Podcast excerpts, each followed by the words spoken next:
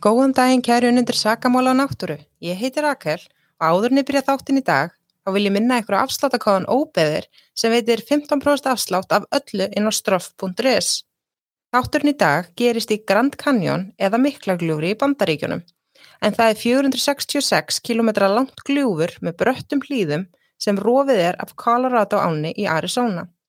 Að meðaltali heimsækja um það byrj 6 miljónir ferðamanna svæðið ár hvert lang flestir yfir sumamánuðina og gerir það mikla gljúfur að næst vinsalasta þjóðgæðinum í bandaríkjunum, rétt á eftir Great Smoky Mountains í Norður Karolínu og Tennessee. Að meðaltalið talið að 12 mann stegja á svæðinu ár hvert, flestir vagnar hættulegs landslagsins. En hvernig myndaðist þetta allræmda og hættulega en samt svo mikilfenglega landslag? Sagan hefst fyrir tæpun 2 miljardum ára með myndun Storkubergs og myndbreytt bergs í gljúfurinu. Yfir þennan gamla bergrunn lagðist svo lag ofan á lag af setbergi sem hvert um sig gerir einstakann hluta af umhverfisögu miklaglúrs á svæðinu. Jarlagasúlan sínir því berglögin þar sem þau eldstu eru neðst og þau yngstu efst. Svo fyrir á milli 70 og 30 miljónum ára með virkni flekarhefinga liftist svæðið upp sem leti til myndunar hinnar flötu Colorado hásletu. Að lokum fyrir aðeins 5-6 miljónum árum byrjaði Colorado áin að skera sig niður gljúrið. Rekari veðrun af hliðarám leti til þess að gljúri stækkaði. Enn í dag eru þessi náttúruöfla verki við að diffka og vika mikla gljúur, hægt og rólega. En þann 8. mæ 2006 þá gekk Tamomi Hanamure einn í Grand Canyon. Hún átti 34 ára afmáli þennan dag og lág leiðinnar til Havasu fossana, heimstækt náttúrundurs þar sem blágrænt vatn steipist rúma 30 metra niður og eru fossarnir staðsettir fyrir utan miklaglúur stjóðkarinn á Hava Súpæ, Indián á Freilandinu. Að sjá þennan tiltakna foss í einu stórbrotnasta gljúfri gerðar væri afmæliskjöf Tamómi til hennar sjálfrar. Hún hefði ferðast hálfa leiðum hnöttin frá heimilistínu í Japan til að komast á staðin, en hún hefði alla tíð haft mikla ást fyrir vestranum eðamörkum en Tamomi Hanamure komst við miður aldrei að Havasu fossinum. Þú ert að lusta á ódæði í óbyðum.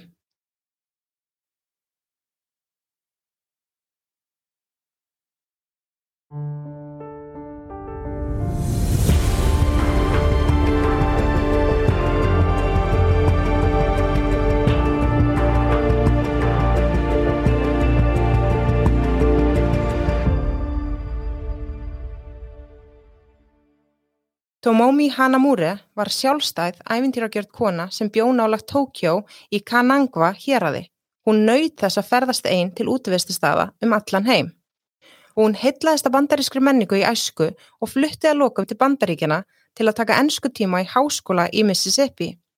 Eftir að hún kom aftur til Japan varð líf hennar ringgrás þar sem hún vann heima í verksmiðum til að fjármagna ferði sínar um Ameríku. Hún bar sérstakar tilfinningar til miklaglúfurs eftir að hafa eitt fyrra afmæli í gunguferð til Phantom Ranch, skála sem staðsettur djúft inn í gljúrinu. En nú vildi hún til Súpæþorpsins. Líkt á Phantom Ranch er þorpið umgrind miklum gróðri og þangalegja yngir vegir. Og eins og Phantom Ranch hefur Súpæð þægindi á borðu kvildarskála, veitingarstað og verslun. Allt sem geti veitt konu sem ferðast einn þó nokkra öryggistilfinningu.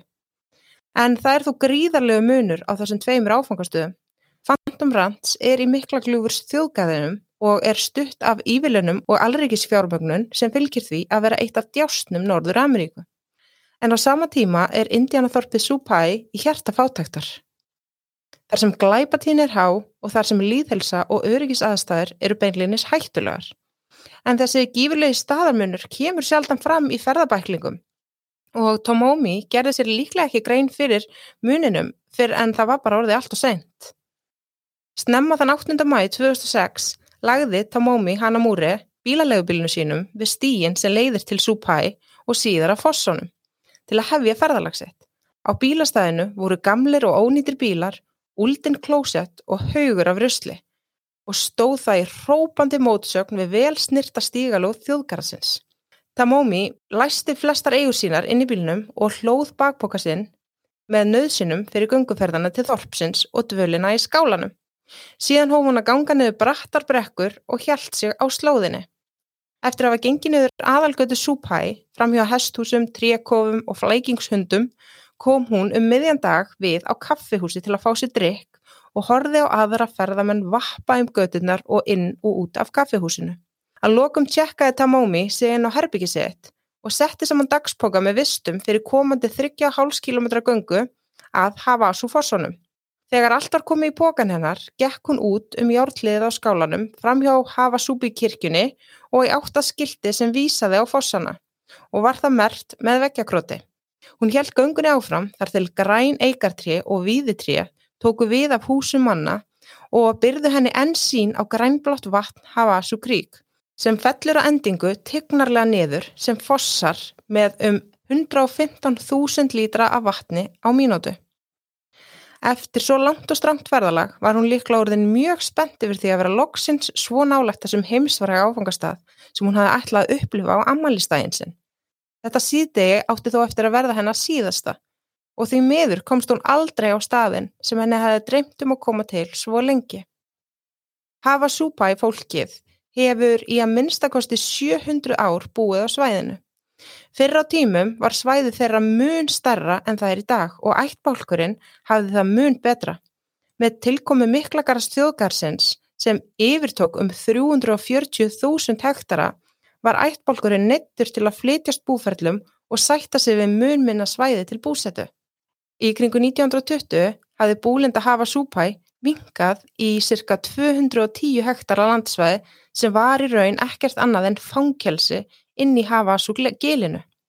Havasúbæ fólkið reyndi að stunda búskap allt árið um kring en smám saman var ögrum skipt út fyrir heimili. Algjörlega einangruð og án aðgangs að vetrar veiðisvæðum lendi ættbálkurinn næstum því útrýmingu nokkrun sinnum á árun 1920 til 1970. Á sama tíma voru fósatnir sem teknilega voru hluti af friðlandinu þeirra útilokaðir fyrir hafa súpa í fólkinu mestan hluta 20. aldar. En samkvæmt lögum frá 19. öld var námuverkamönnum leift að búa í skálanum millir Havasu og Monifossana sem var heilagt svæði ættbálksins þar sem ættbálkurinn hafi brent og grafið látna ástfunni sína. Árið 1957 kefti þjóðgarstjónustan leifið, girti af 25 hektara og setti á laginnar tjaldsvæði fyrir ferðamenn á milli fossana. Um 1960 hafði íbúum Supæ fækkað í um 150 íbúa og allrikis yfirvöld töldu að ættbolkurinn myndi deyja út innan áratugar eða tveggja og að landherra myndi verða hluti af þjóðgarðinum eftir það.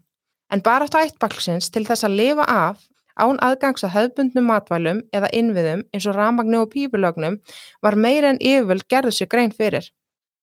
Öll þessi illa meðferð íttu undir mikla og djúpa gremju ættbálksins í garð hvíts fólks og þó sérstaklega gremju í garð ferðamanna sem tjalda á grafreitum þeirra. Í heimi frumbyggja Norður Ameríku eru hafa súpæfólkið álitnir verndarar mikla gljúfurs og fyrir hafa súpæfólkið er gljúfrið ekki bara fallegu staður, það er viðmjöðunapunkturinn sem skilgrinir sín þeirra á heiminn.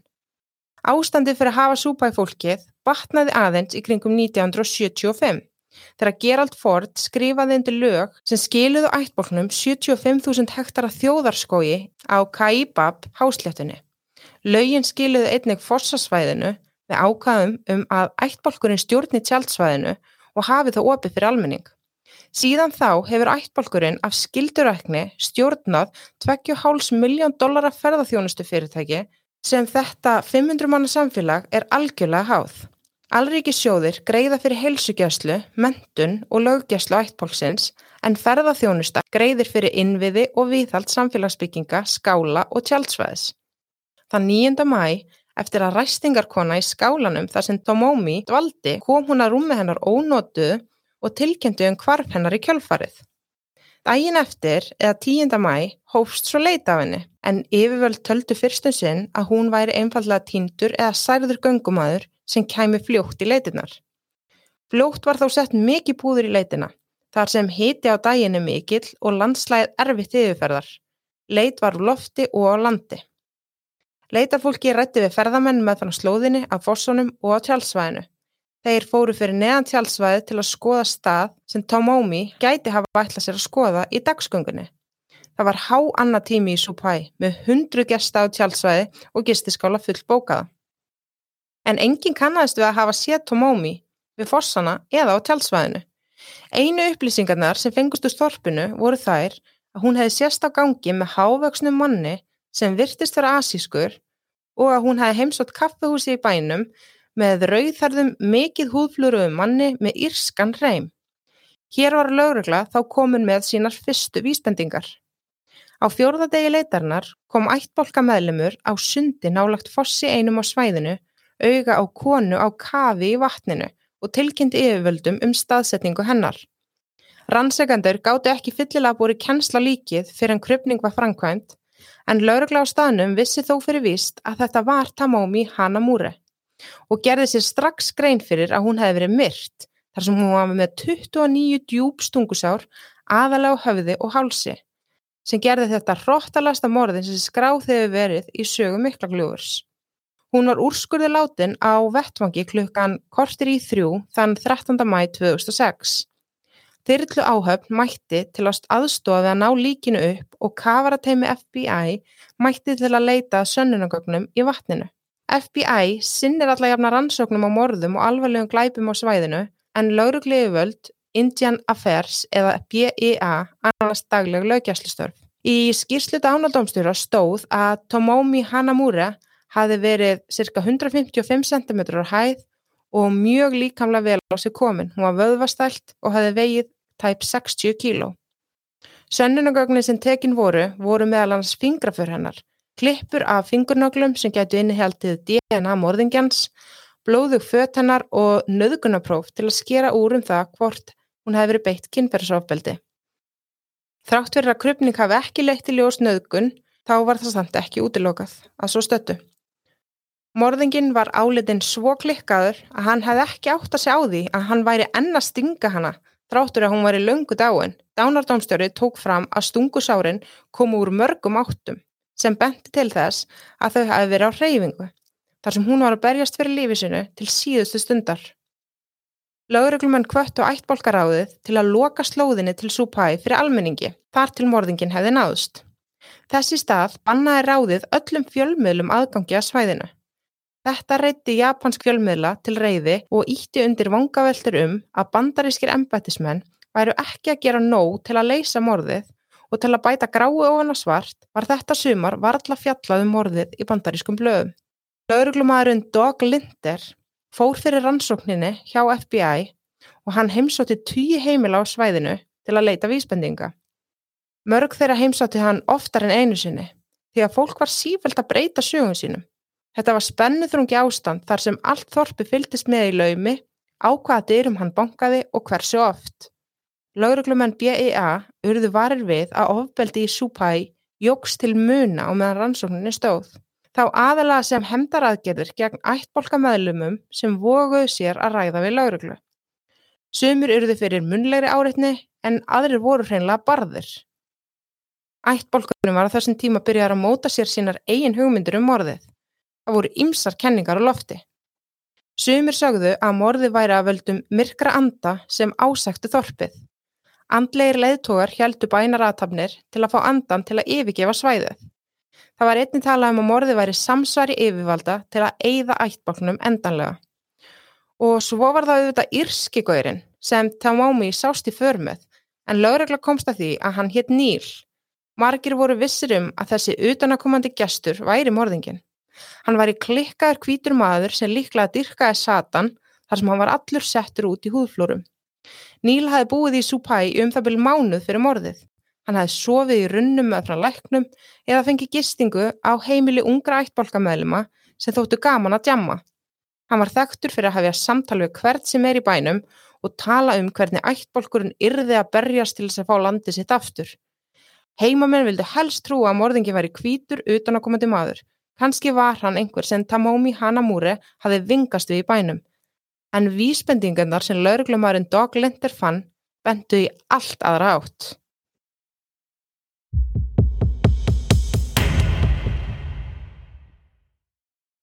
Styrtaraðli þáttarins er fjölskyldufyrirtæki Stroff sem rekur prjónaverslun í skipholti 25 sem og við verslununa stroff.is. Í netverslunni er úrval fallegra prjónauppskrifta á mannamáli á samt miklu úrvali af gardni og verkfærum til prjónaskaps. En ég minni aftur á afsláttakóðan óbyðir sem veitir 15% afslátt af öllum vörum í vefverslunni.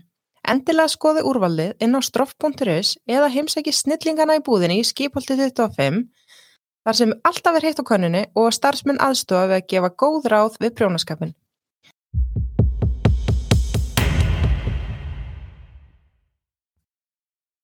Eftir að frettir fór að berast að morðinu í dagblöðum byrjaði lögreglumæðurinn Dog Linder að fá símtöl frá konum sem hefðu orðið fyrir líkansárás í Súpæi en höfðu hingað til ekki greint frá árásunum. Í flestum tilfellum var um að ræða unga Karlkins ættbólka meðlemi sem augruðu með kynferðislega ógnandi aðtjóðsöndum við ferðakonur á göngustygnum eða á tjálsvæðinu.